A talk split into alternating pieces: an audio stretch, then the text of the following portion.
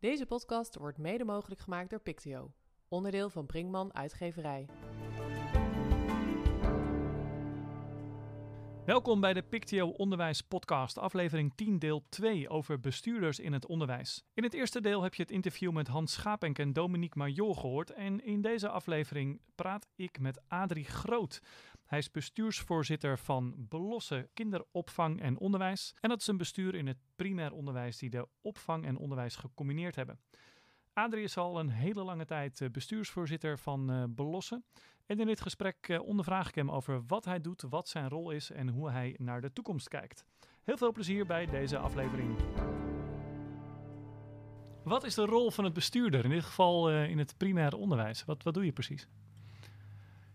Nou, dat vind ik best wel lastig. Kijk, je kan hem benaderen vanuit je verantwoordelijkheid en wat je werkelijkheid doet natuurlijk. Kijk, vanuit je verantwoordelijkheid, ja, hoe je het bent of verkeerd, je bent verantwoordelijk voor de hele organisatie. Je wordt er ook op aangesproken. Maar wat is het dan mooi dat je die verantwoordelijkheid kan delen met je leidinggevende. Hè? Zowel binnen ons servicebureau als met de leidinggevende op locatie. En wat doe je dan? Ja, kijk, op deze plaats probeer je natuurlijk iedereen het vertrouwen te geven dat ze die verantwoordelijkheid kunnen nemen en kunnen dragen. En vertrouwen krijg je alleen maar door verbinding, hè, door de relatie aan te gaan met mensen. Dus als bestuurder ben je veel in gesprek met je leidinggevende. Uh, ook met personeel, maar je richt je toch vooral op de leidinggevende. Om te zorgen dat je ze goed leert kennen en dat ze gewoon goed in hun, uh, hun talent kunnen ontwikkelen en hun expertise kunnen laten zien. Maar dat ze ook ervaren dat ze uh, het vertrouwen van mij krijgen zeg maar, om de goede dingen te doen. En de leidinggevende is dan de schooldirecteur of de locatieleider? De leidinggevende kan de schooldirecteur zijn. Bij ons zijn het dus directeuren van kindcentra. Hè, want wij mm -hmm. hebben opvang en onderwijs, hè, kinderen van 0 tot 12 jaar. En dat kunnen de leidinggevenden op, op het servicebureau zijn. Hè. Ons servicebureau bestaat uit vier domeinen. En elke domein heeft zijn eigen uh, eindverantwoordelijke. En die vier mensen bij elkaar zijn het kernteam bij ons. En die zijn verantwoordelijk voor de hele achterkant van de organisatie. En die geef je dus uh, vertrouwen en ruimte. Maar dan moet je veel met elkaar in verbinding blijven. Nou, ik denk dat ik dat een van de belangrijkste taken vind van de bestuurder, zeg maar. Ja. Oké, okay, en uh, okay, dus die verbinding maken zorgen eigenlijk dat de mensen op de werkvloer en, uh, de, hun werk goed kunnen doen. Ja.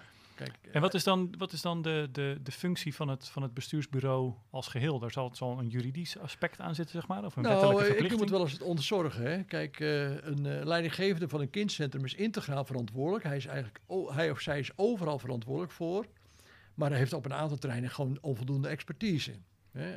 Uh, dus in principe doe je alles op locatie. Maar je, je grootste focus op locatie ligt op de kwaliteit en op personeel. Mm -hmm. Dus het, uh, het zorgen voor, voor kwaliteit en personeel. Maar er gebeuren ook veel meer dingen om je, om je, om je school of kindcentrum heen. Hè. Dat heeft met gebouwen te maken, met financiën, met juridische zaken. En wij noemen dat een collectieve voorziening. Dus alles gaat uh, primair naar de locatie toe. Maar we hebben een gezamenlijk, een collectieve voorziening. Die zorgt dat we uh, vanuit uh, efficiënte inkoop, vanuit solidariteit, dingen gezamenlijk aanpakken.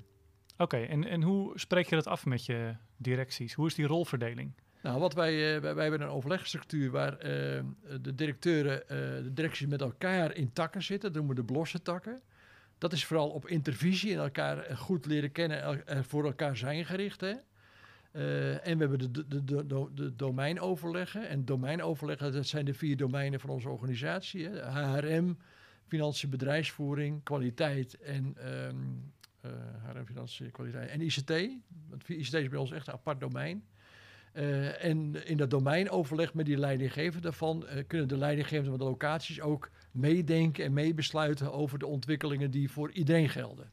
Oké. Okay. Dat vindt daarin plaats. En, en, ben jij dan als bestuursvoorzitter uiteindelijk degene die de knoop uh, doorhakt? Of is dat een democratisch uh, proces? Nee, ik heb, uh, die vraag heb ik een paar jaar teruggekregen. En toen heb ik eens gekregen, hoeveel besluiten heb ik nou genomen in een jaar? En ik had 56 besluiten genomen in het jaar. Waarvan er 40 besluiten waren die eigenlijk al afgekaart waren door een gemeenschappelijke medezeggenschapsraad of een medezeggenschapsraad. Dus was het eigenlijk een, een bekrachtiging van een besluit. En 16 waren echt autonome besluiten, zeg maar. En dat is echt op basis van advies, maar uiteindelijk geef je er een klap op. En kan je er eens een voorbeeld van geven? Zo'n besluit waarvan je zegt, ja, die heb ik gewoon zelf genomen als bestuurder. Hè? Wel in nou, advies dat van. Zit, maar... dat is, uh, nou, het besluit dat, waarom we blossen geworden zijn, zeg maar. Hè, had ik Mhm. dat heel breed uitgedragen bij aanvang. Dat er heel veel scholen of uh, opvang had gezegd, ja jongens, dat is een ver van mijn bedshow. Dan begin je als bestuurder zelf om dat te ontwikkelen. In 2011 ben ik daarmee begonnen. Langzaam zeker begint iedereen dat ook te zien, eh, het enthousiaster in te worden. Die, die zien ook de voordelen van en uiteindelijk is dat blosser geworden. En ik vind het ook een taak als een... Kijk, een bestuurder gaat eigenlijk niet over de dag van vandaag. Die, die moet een vergezicht hebben, die moet een visie hebben op hoe de toekomst zich gaat ontwikkelen. Die probeert dat te, te wegen en, en te prioriteren in zijn eigen organisatie. En op grond van daar neem je organisatie mee. En sommige dingen worden opgepakt, sommige dingen worden later opgepakt en sommige dingen worden niet opgepakt. Ja. En is het dan niet lastig om zeg maar, bij een school binnen te lopen en je komt zelf ook uit het onderwijs en, en dan zie je op dat moment iets, maar jouw rol als bestuurder is natuurlijk om dat vergezicht te houden. Dus is het niet lastig om dan niet op zo'n moment ook zo'n directeur toch een beetje te proberen te helpen of te sturen? Ja, dat is lastig. Zeker als je, zo, als je mij in elkaar, zoals je in elkaar zoals ik ben. Je hebt altijd de behoefte om je, ook je, je eigen idee van onderwijs in te brengen. En je realiseer je vaak onvoldoende dat jij het inbrengt, niet als Adrie Groot, maar als de bestuurder, hè, als de, de baas van het, van het spul, zeg maar. Ja. Zo wil ik wel niet gezien worden, maar zo zien anderen je wel. Dat is best wel eens lastig. Dus je moet ook echt wel voorzichtig te zijn, zijn met uh, te stellig dingen beweren. Kijk, ik vind dat, uh, wat ik eigenlijk inbreng, ik zeg altijd, dat is een bijdrage in jouw denkproces. Jij bent eigenaar van een proces, jij bent directeur van een kindcentrum. Ik zie dingen, ik voel dingen, ik weet dingen. Ik breng dat in, we praten erover, wat je ermee doet. Kijk wat je ermee doet. Sommige dingen passen, sommige dingen vind je onzin. Andere dingen denk je, hé, hey, daar ga ik wat mee doen. Dat is mijn rol. En dat hebben ze langs zeker wel geleerd. Ik ook, want ik wil ook wel bij ei kwijt, zeg maar. Ik wil ook wel. Ik heb ook ideeën over, over onderwijs en hoe je met kinderen moet omgaan. En kom je ook wel eens tegen dat, dat een directeur zegt van ja, maar ik heb juist behoefte aan een bestuurder die niet alleen mij helpt in mijn denkproces, maar die ook gewoon soms zegt dat zijn de kaders, punt. Ja, klopt, klopt. Ja. Juist in dat fusieproces wat we nu de afgelopen uh, of drie jaar geleden gedaan hebben, hè, dan krijg je twee organisaties die samensmelten met eigen culturen. Toen hebben we ook met de hele organisatie uh, gekeken van ja, wat zijn op dit moment onze prioriteiten. En toen er veel accent was op duidelijkheid. Het kernwaarde duidelijkheid is er toen bij ons bijgekomen. Is echt een kernwaarde. We moeten veel aandacht besteden aan dat uh, het herkenbaar is voor iedereen hoe de processen lopen, waar, bij wie, bij wie, moet ik zijn voor een onderwerp en dergelijke. Dus en daar, ga je, daar speel je daarop in. Ja. ja. En elke, elke directeur is ook anders. Hè. De ene directeur die kan eh, heel alert reageren en uh, die finesses meteen stappen. En de andere moet er even over nadenken. Komt over drie dagen met een opmerking. Ja, en jij als bestuurder uh, zoekt daar dus de verbinding, geeft mensen de ruimte. Maar als het moet, dan zeg je ook van nou, dat is de stip op de horizon. Ja. Het mooie, de mooie van het bestuurder zijn vind ik, en dat vind ik ook wel een pleidooi voor uh, een, een, kenmerk wat een bestuurder moet hebben. Kijk, ik kom uit het onderwijs, dus ik denk dat ik dan pedagogisch opgeleid ben. En ik heb bij mezelf ook ontdekt dat ik ook een behoorlijke pedagogische inslag heb, zeg maar. Want ik kom ook uit het onderwijsvernieuwingsonderwijs uh, vandaan. Uh, als bestuurder moet je echt wel pedagogisch tact hebben. De sensitiviteit naar je personeel. Wanneer moet je terug? Wanneer moet je naar voren? Wanneer moet je even handelend optreden? Wanneer moet je gewoon vragen, je vragend opstellen? En de, de, pedagogiek, wat, je, wat jij hanteert als leerkracht voor de klas. Hoe ga je met de kinderen om je klas? Elk kind is anders. Bij het ene kind uh, geef je een vijf en half, zeg maar, omdat je denkt van... Nou, dat is net een voldoende, dus dat stimuleert. En bij de ander zeg je, geef je een vijf. Uh, want ik denk dat heeft hij nodig om even uh, een schop onder zijn kont te hebben, zeg maar. Ja. Die sensitiviteit naar kinderen, die pedagogische sensitiviteit, moet je zeker als bestuurder ook hebben. En dan um, is het soms ook wel een beetje een harde lijn. Van, ja, moet een bestuurder dan juist iemand zijn die uit het onderwijs komt, omdat hij dan uh, ja, de, de wereld snapt? Of moet het juist meer de manager zijn die vanuit het bedrijfsleven zegt van, nou ja, ik heb dat tact uh, vanuit het bedrijfsleven ook, ook meegemaakt. Hoe kijk jij daarnaar? Nee, een bestuurder moet in ieder geval geen manager zijn. Maar hij hoeft niet per se uit onderwijs te komen, maar hij moet wel dit, dat, die, die, dat pedagogische tact hebben. Die pedagogische invalshoek. Dus het kunnen ook mensen, sectoren zoals de zorg, hè, mensen die in de zorg hebben dat ook. Wij merken de mensen die van buitenaf bij ons komen, zeker als ze in directe relatie liggen tot de werkvloer, moeten, moeten dat spel snappen van mens tot mens. Hoe je een ander mens in zijn kracht zet. Kijk, een manager is toch iemand die tegen een ander vertelt wat hij moet gaan doen. Ja, in, in, vanuit onze kernwaardes, vanuit eigenaarschap en regie op je eigen ontwikkeling past dat totaal niet. Dat botst gewoon. Dus het hoeft niet per se iemand onderwijs, want ik denk dat er ook in onderwijs ook managers nu werken in het onderwijs. Nou, die hebben daar niks te zoeken volgens mij. Oké, oké. En nu schets je een beeld van hoe het bij Belossen gaat. Je Ja. kent ongetwijfeld ook andere eh, Ja. besturen. Wat zijn dan de verschillen met hoe het bij Belossen is ingericht en hoe je dat bij andere besturen ziet? Nou, het, het, het, eh, het bijzondere binnen Blossen, en daar ben ik ook nog steeds enorm trots op, is dat je als organisatie aan de ene kant heel innovatief wil zijn. Hè. Blossen staat bekend om innovatie en om lef aan de voorkant. Het gevaar is daar altijd daarbij dat je de achterkant vergeet. Je hebt ook het fundament waar je je huis op bouwt. Dus je moet ook wel zorgen dat je hele achterkant, je, je financiën, je bekostiging, eh, je hele processen richting nieuwbouw van, van locaties, ook gewoon goed en gedegen geregeld is. En dat, die balans moet je zien te vinden. Ik zie te vaak dat of besturen heel erg op geld en gebouwen zitten. En die komen niet tot innovatie of ook geen lef om het buiten de grenzen aan te, eh, te gaan doen. Maar zeker ook niet om te gaan kijken van hoe ziet de wereld van morgen er voor kinderen uit. Wat, een, wat bij ons echt wel een vraagstuk is. Daaraan tegenover zie je dus scholen of schoolbesturen die heel veel lef hebben, zeg maar, de- maar de achterkant vergeten. En dat moet, dat moet wel een gezamenlijk pad zijn wat je loopt. En nu ben je lange tijd eh, als enige bestuurder van Belossen geweest. Ja.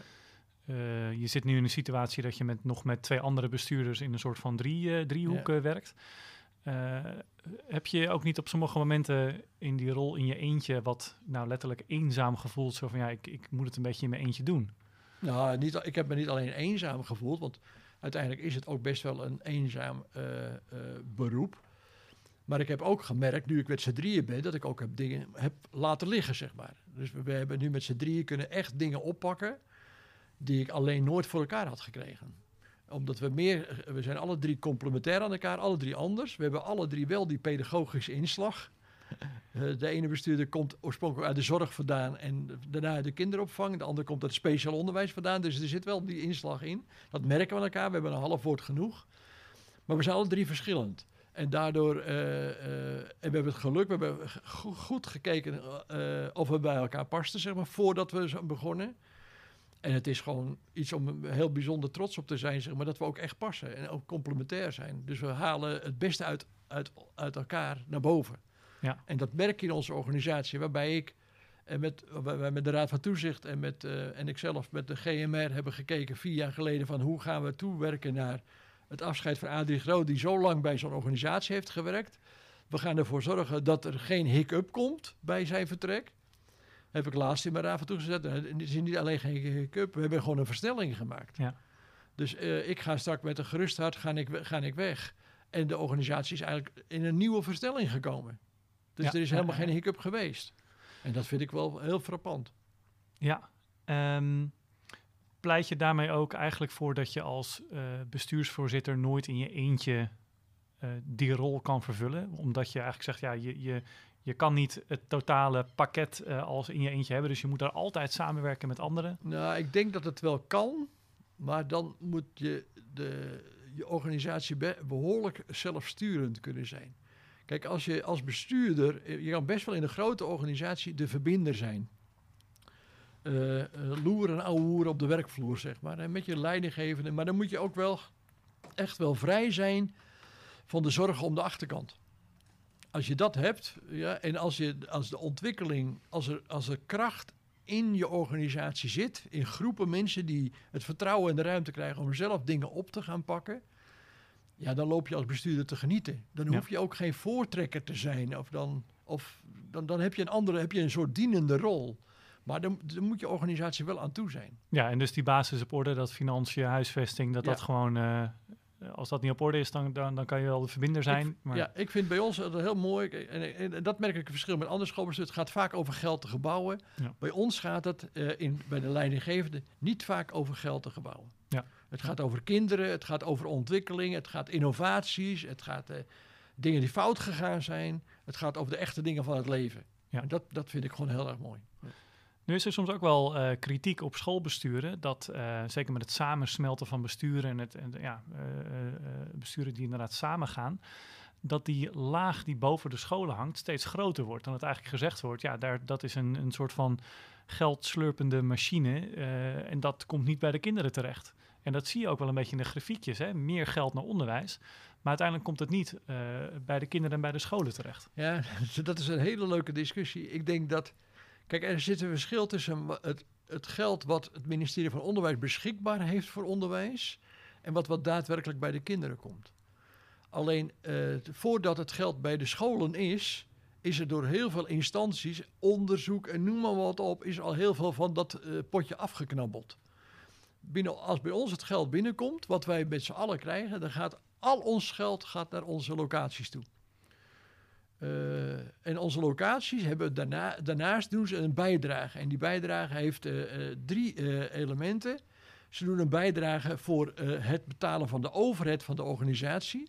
Dat zit bij ons op dit moment op een percentage van 4,25 procent. als je al een benchmark vindt in Nederland, dan zie je dat dat bijzonder laag is. Hè. Als je het middelbaar beroepsonderwijs kijkt, kan dat rustig op 20, 30 procent zitten. Bij ons is dat 4 en een kwart procent. Als je kijkt van wat, wat, voor bijdrage doen ze aan gezamenlijk beleid, hè, bijvoorbeeld uh, uh, de voorziening onderhoud, die het onderhoud van al onze locaties doet, uh, de flexpool waar personeel in zit, dan betalen ze ongeveer 25%, 23 tot 25% aan die collectiviteit mee. Dat is collectiviteit die niet geen overheid is, maar dat is omdat ze dat gezamenlijk in een gezamenlijke pot stoppen en vervolgens er ook weer gezamenlijk wat uittrekken. Ja neem nou, ik, ik, had vandaag nog een voorbeeld van een juridische uh, getouwtrek, zeg maar. Dat hebben we nu afgerond met, bij de Raad van Arbitrage, hebben we gewonnen. Dat kost 20.000 euro. Dat gaat bij ons uit de, collectieve juri, juristenpot, zeg maar. Waar alle uh, locaties naar even, evenredigheid aan hebben bijgedragen. Ja, als je geluk hebt als school, maak je daar vijf jaar geen gebruik van. Maar als je er gebruik van moet maken, dan zou, zou het enorme kosten zijn die een individuele school niet kan dragen. Ja. Uh, ander voorbeeld is uh, de schooltuin. Hè. Elke school in Nederland krijgt geld voor, uh, voor tuinonderhoud. de vlindertuin bij ons in Heergewaard heeft bijna geen tuin. Die heeft alleen een speelplaats, maar geen tuin. Maar de Radboudschool in Heilo of de uh, Patria Smitschool in, in, in Heergewaard... die staan bijna midden in een bos. Die kunnen hun tuinonderhoud absoluut niet betalen... van het potje wat ze daarvoor krijgen. we hebben een collectief pot voor tuinonderhoud... en daar doen we tuinonderhoud van al onze locaties mee. Ja, dus er ligt een bepaalde solidariteit uh, ja. bij elkaar. En, en, wordt het ook gezamenlijk afgesproken met directies? Wordt het dat, dat wordt in, gezamenlijk afgesproken, dat is bij ons inzichtelijk. En wat bij ons nu de discussie is, want die gezamenlijke collectieve pot, zeg maar, was, was eigenlijk een bijdrage van alle locaties. En nu blijkt, en we gaan er een nuancering aanbrengen, dat bij sommige uh, uh, onderdelen in die collectiviteit, collectiviteitspot de ene school er veel meer gebruik van maakt dan de andere op afroep. Hè. Neem bijvoorbeeld de devices. Hè. Al ons personeel heeft een device. Maar sommige scholen zeggen, ik wil er wel vijf meer of ik wil er zeven meer. Maar dan gaan de beheerskosten ook omhoog. Dat is een extra vraag van die school. En bij ons komt de, nieuwe, de nuancering erin dat we gaan zeggen, oké, uh, als de, de kosten direct zijn toe te wijzen aan de vragende school, moeten die kosten ook zelf betalen. Ja, ja, ja. Dus, dus hij maakt gebruik van het collectiviteitsfonds en hij maakt gebruik van de expertise die erin zit, of lage inkoopvoorwaarden wat erin zit. Daar maakt hij allemaal gebruik van. Ja. Maar als hij direct is toe te wijzen, moet je ook betalen. En heb je dan niet dat scholen allemaal, uh, want het klinkt, het klinkt heel goed hè, ja. van er wordt goed voor je gezorgd, uh, enzovoort, enzovoort. Heb je dan niet scholen die aankloppen en zeggen, ik wil ook wel bij Belossen, het is hier goed geregeld? Nou, kijk, de, de laatste school die bij ons kwam was uh, het kleurorkest in Heilo, of in Limmen. Die zijn bij ons gekomen, ja, dat klopt. Ja. En dat is dan een eenpitter die dan uh, toch de, de, het collectief opzoekt. Ja, en, de, en, en uh, al heel snel ook de voordelen van het collectief. Ja. Kijk, bij ja. ons kun je... Kijk, om nou te zeggen dat we uh, 28 eenpitters hebben of 27, dat gaat een beetje te ver. Maar onze locatie hebben behoorlijk veel autonomie. En dat kan ik ook als bestuurder geven. Niet, omdat ik niet alleen vertrouwen in de, onze leidinggevende heb. Maar ook weet dat ze aan de achterkant goed ondersteund worden. En ik kan op elk moment van de dag kan ik ook uh, de achterkant van elke school bekijken. Ja. Dat kan een directeur kan dat zien. Die kan dus zien hoe hij er financieel voor staat en met personeel. Maar dat kan ik ook zien. En nog even terug naar dat, naar dat financiële stukje. Want je zegt eigenlijk de structuur is als volgt. De scholen krijgen al het geld ja. en dragen een stukje af aan collectiviteitsprincipe... Ja. waarvan slechts 4,25 procent uh, overhead, overhead is. is ja. Hoe verklaar je dan die grafieken waarbij hè, dat ministerie wel meer geld erin pompt waar, in het onderwijs? Waar blijft dat dan? Nou, uh, ik denk dat er duizenden uh, semi-onderwijsinstellingen zijn die allemaal uit die ruif pakken. er zijn heel veel instellingen die daarvan gebruik van maken, die daar ook gefinancierd worden door de overheid. Dat is één ding. En wie, wat, wie zijn er dan, als je ze op moet noemen? Nou, eh, eh, onderzoeksbureaus, eh, stichtingen voor van arbeidsmarktplatform, van alles nog wat. En ik wil niet zeggen dat ze geen goed werk doen, Ja. maar dat moet wel allemaal betaald of gesubsidieerd gaan worden. Een samenwerkingsverband vind ik bijvoorbeeld voorbeeld. Ja, kijk, schoolbestuurders zijn verantwoordelijk voor de kinderen en ook voor de zorg voor de kinderen. Maar op een of andere manier zijn er samenwerkingsverbanden in het leven geroepen. Die ook weer geld krijgen, die ook weer overheid hebben, die ook weer reserves hebben. Terwijl de schoolbesturen de verantwoordelijkheid hebben. Ja, wat mij betreft had dat nooit zo eh, hoeven te komen. De verantwoordelijkheid ligt bij de scholen en de schoolbesturen. En wij kunnen prima een relatie opbouwen met speciaal onderwijs voor de kinderen. Ja. Nou, dus daar gaat heel veel geld. En het tweede, wat, wat nu speelt. Kijk, het min- min- minist- ministerie heeft eind van het vorig jaar heeft ze eh, alle schoolbesturen het geld gegeven voor de consequenties van de nieuwe CO. Dus al die, bestu- al die besturen kregen heel veel geld. Alleen we konden dat niet uitgeven. Dat geven we pas in februari uit. Dus elke jaarrekening van 2019 zit enorm in de plus. Maar Ja. die in 2020 kun je niet oversparen. Die komt enorm in de min, want nu kwamen de uitgaven. Ja, ja, ja, ja. Dus als je naar de jaarrekening 2019 kijkt, zie je weer al die schoolbesturen. Ja, moet je kijken wat de geld ze over Geld op de plank, maar Ja, dat... eh, Maar dat in 2020, je wist al in 2019 dat je in februari 2020 moest betalen. ja, ja, ja. Alleen dat is een volgende jaarrekening. Dus dat zit ook in hoe die financiën worden afgedragen en hoe je daar verantwoording over moet Ja, en afleggen. dat weet het ministerie donders goed hoor. Ja, het- ja oké. Maar het is gewoon heel vervelend. Ja. Ehm, nu ga jij eh, natuurlijk eh, over een half jaar met pensioen. Ehm, als je dan zo terugkijkt, dan zie je een bepaalde ontwikkeling hè, in, je, in je hele Ja. schoolloopbaan. Als je nu een, voorspelling zou moeten doen over de komende vijf of tien jaar, wa- wa- wat is jouw visie op onderwijs? Waar gaan we naartoe met z'n allen in het onderwijs? Ja, ik denk dat opvang en onderwijs verdwijnen. Eh, ik, eh, en, de coronatijd heeft me daar nogmaals meer in bevestigd. Eh, kijk, leren. kijk, onderwijs heeft het primaat van het leren gehad en het primaat zijn ze gewoon kwijt. Leren gebeurt van wakker worden tot slapen gaan en van geboren worden tot overlijden. Dat geldt dus voor iedereen. En we moeten accepteren dat er sommige kinderen na schooltijd meer leren als onder schooltijd. We hebben nu kinderen vanuit de coronaperiode terug zien komen. eh, die zich heel opvallend hebben ontwikkeld. Maar ook kinderen die gewoon veel meer ondersteuning nodig hadden. We hebben gezien welke belangrijke rol ouders hebben kunnen spelen in het, in het onderwijs van kinderen. Onbevoegd, hè? Maar wel een professional als ouder. Eh, en voor het ene kind is het voor het andere kind had helaas geen ouder of, of geen ondersteuning. Ja, daar zul je wat anders voor moeten betekenen. We hebben geleerd dat schooltijd, dat we schooltijden los moeten laten. We moeten kijken naar leertijd. En we weten ook dat een ene kind iets in vijf minuten leert, een andere kind heeft er eh, vijf uur voor nodig en het, een, derde kind zal het nooit leren.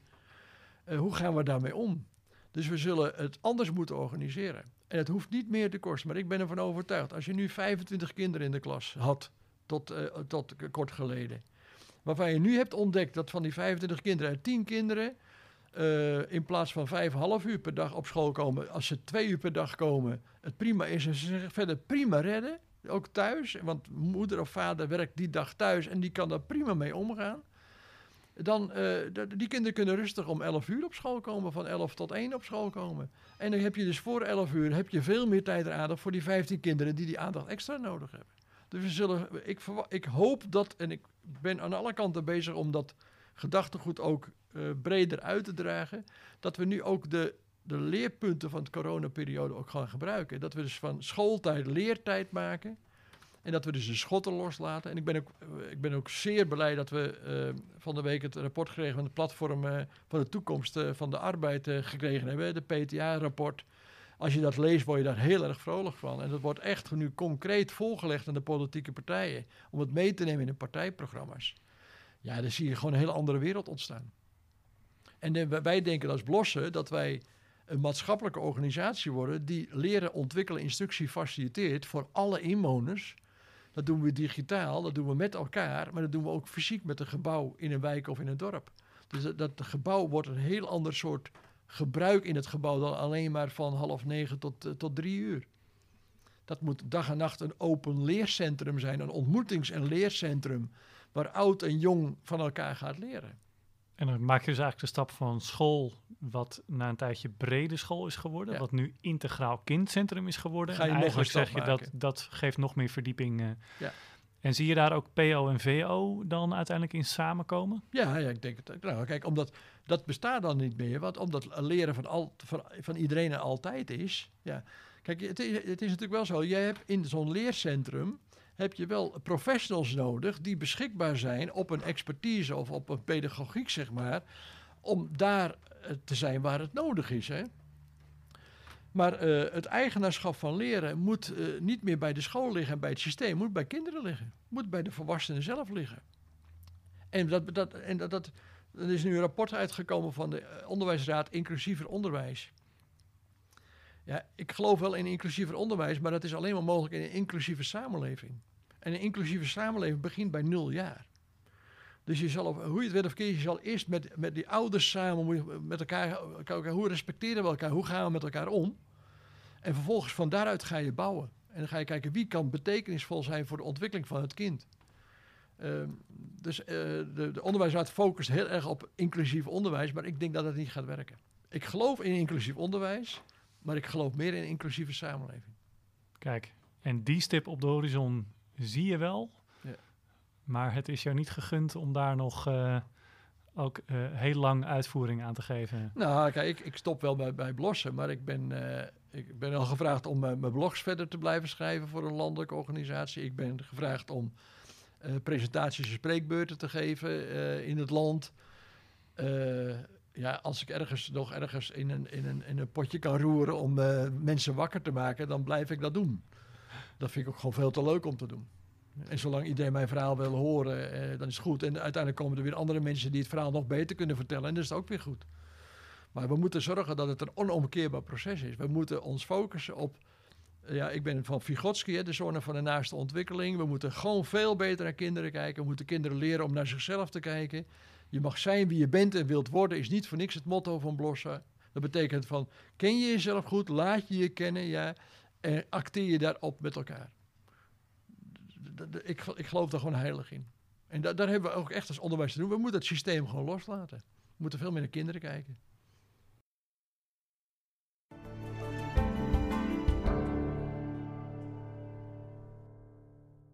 Ja, Wim, dat zijn uh, drie bestuurders met toch allemaal uh, weer hun eigen kijk op hoe ze het moeten of denken te kunnen besturen. En je ziet natuurlijk ook het verschil tussen PO, uh, VO en HBO.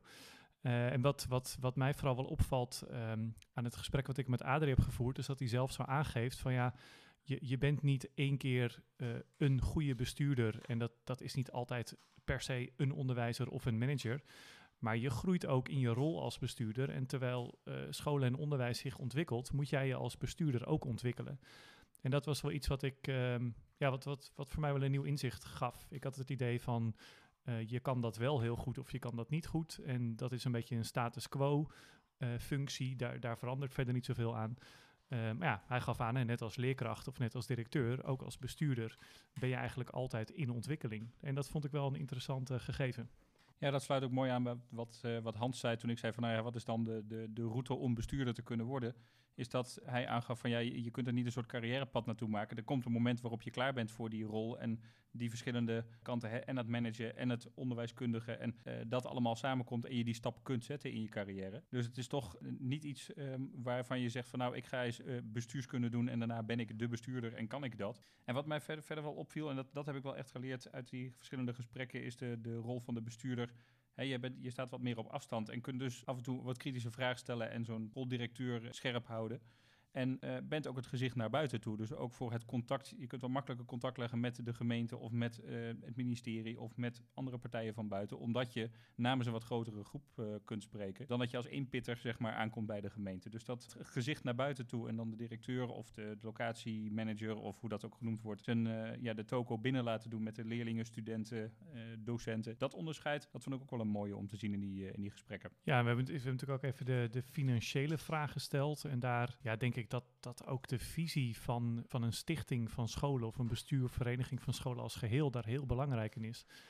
En dat je met name dat daar wel de link zit met de bestuurders en de, of de bestuurder en de directeuren. Ja, hoe wil je het inrichten? Hè? Hoe moeten de geldstromen lopen? En ik denk dat dat, ja, met name als je dan een nieuwe bestuurder krijgt die weer een andere visie heeft, dat dat soms best wel een, een spanningsveld kan zijn. Ja, ze zeker. Kijk, ik, pak ik heel eventjes Vereniging Omo er nog bij, waar ik zelf voor werk. Uh, daar heeft in het verleden wel eens een bestuurder gezeten die een heel mooi kantoor uh, liet inrichten. Terwijl de bestuurder die daarna kwam zei van, nou ja, zo'n kantoor en zo, dat, dat vind ik allemaal niet zo belangrijk. En dat kun je dan ook, ook, kun je ook zien. Ik heb voor deze 60 ooit met een ander bestuur samengewerkt. En die zaten in een of ander achteraf flatje, uh, hadden ze een verdiepingje. Nou, dat was echt niet het mooiste en het nieuwste en geen glimmende kranen en zo. Maar dat is echt gewoon met de visie van, hey, het geld moet de school in. Uh, dus daar, daar zijn echt wel belangrijke beslissingen te nemen. En in die zin is de rol van een MR en zo op dat niveau ook een hele belangrijke, denk ik. Ja. Hey, zou jij later bestuurder willen worden? Ik heb in het verleden wel als afdelingsleider gewerkt, ook wel met het idee van, nou, ik, ik wil wel in de toekomst die kant op. Maar ik merk dat, dat met het project dat ik nu doe, en uh, bezig zijn met leerlingdata in een soort van netwerkorganisatie, dat dat mij misschien nog wel meer ligt dan in zo'n uh, vast keurslijf van een uh, manager. Ik denk ook dat dat, en dat was denk ik ook belangrijk destijds bij mij, op het moment dat je manager wordt ergens, moet de, de organisatievisie en de inrichting van die organisatie ook goed passen bij wie jij bent en hoe jij daar tegenaan kijkt. En je kunt wel dingen veranderen, maar je moet daar wel, er moet wel een zekere match zijn. En als die er niet is, dan wordt het ook een hele lastige rol. Ik heb ook eens erna zitten denken, zou ik directeur van een school kunnen worden? Ik, ik denk het niet. Ik, ik ben daar ook wel een beetje eigenwijs in, denk ik. En ik heb te veel een, een specifieke visie. En ik, uh, ja, zeker als bestuurder moet je natuurlijk een beetje afstand houden. En dat vind ik altijd lastig. Enerzijds moet je, moet je wel een beetje visionair zijn, een bepaalde visie en mensen mee kunnen nemen. Maar anderzijds moet je ook wel um, ja, het soort van kunnen loslaten als, als mensen op de werkvloer andere keuzes willen maken. Want die ruimte moet je ze ook geven natuurlijk. Dus ik zou, ik zou denk ik iets te veel een soort van autoritaire bestuurder zijn. En dat is denk ik niet helemaal de juiste invulling va van die rol. En het is in die zin denk ik ook een hele, is het ook wel een, een, een eenzame rol. Ja, je moet toch je sparringspartners ergens zoeken, maar uiteindelijk, eh, als er een knoop doorgehakt moet worden, hè, of dat nou is van, goh, hè, ik moet twintig mensen gaan ontslaan, ja of nee, omdat het financieel niet gaat, of uh, we moeten nu kiezen voor uh, device X of Y, of we moeten kiezen voor visie voor over vijf jaar, uh, zus of zo. Hè. Je, uiteindelijk, je kunt met iedereen meepraten en sparren en je medewerkers laten meedenken, maar uiteindelijk moeten er, moet er knopen doorgehakt worden. En als jij dat doet, weet je zeker dat er ook mensen niet blij mee zijn. Dus in die zin moet je daar ook wel, denk ik, tegen kunnen. Ja, en ik denk ook wel dat het een beetje het uh, 17 miljoen uh, bondscoaches verhaal is hè, binnen een bestuur.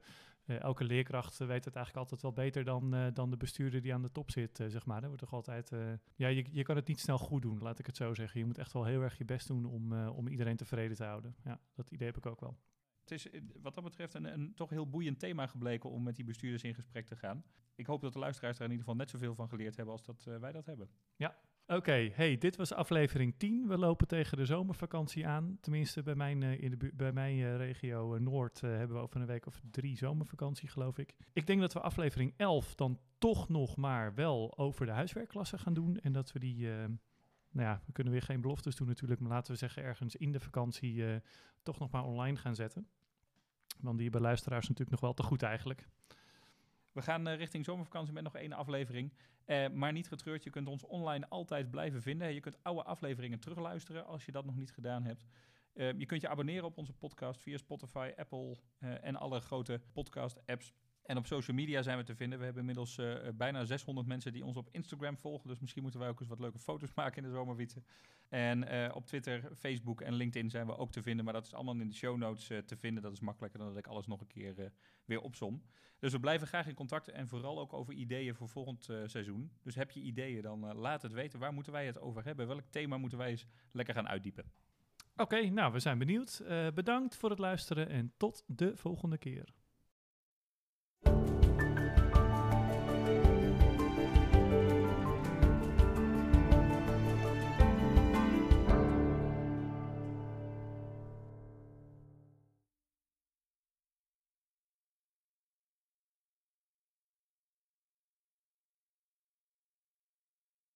Deze podcast wordt mede mogelijk gemaakt door Pictio. Voor meer informatie www.pictio.nl.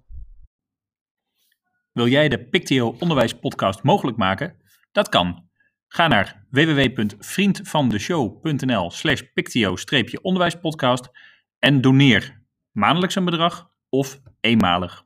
En daarnaast kun je ook een aflevering of meerdere afleveringen van onze podcast sponsoren. Naast Pictio word jij dan de sponsor van die aflevering en krijg je ruimte voor jouw reclameboodschap.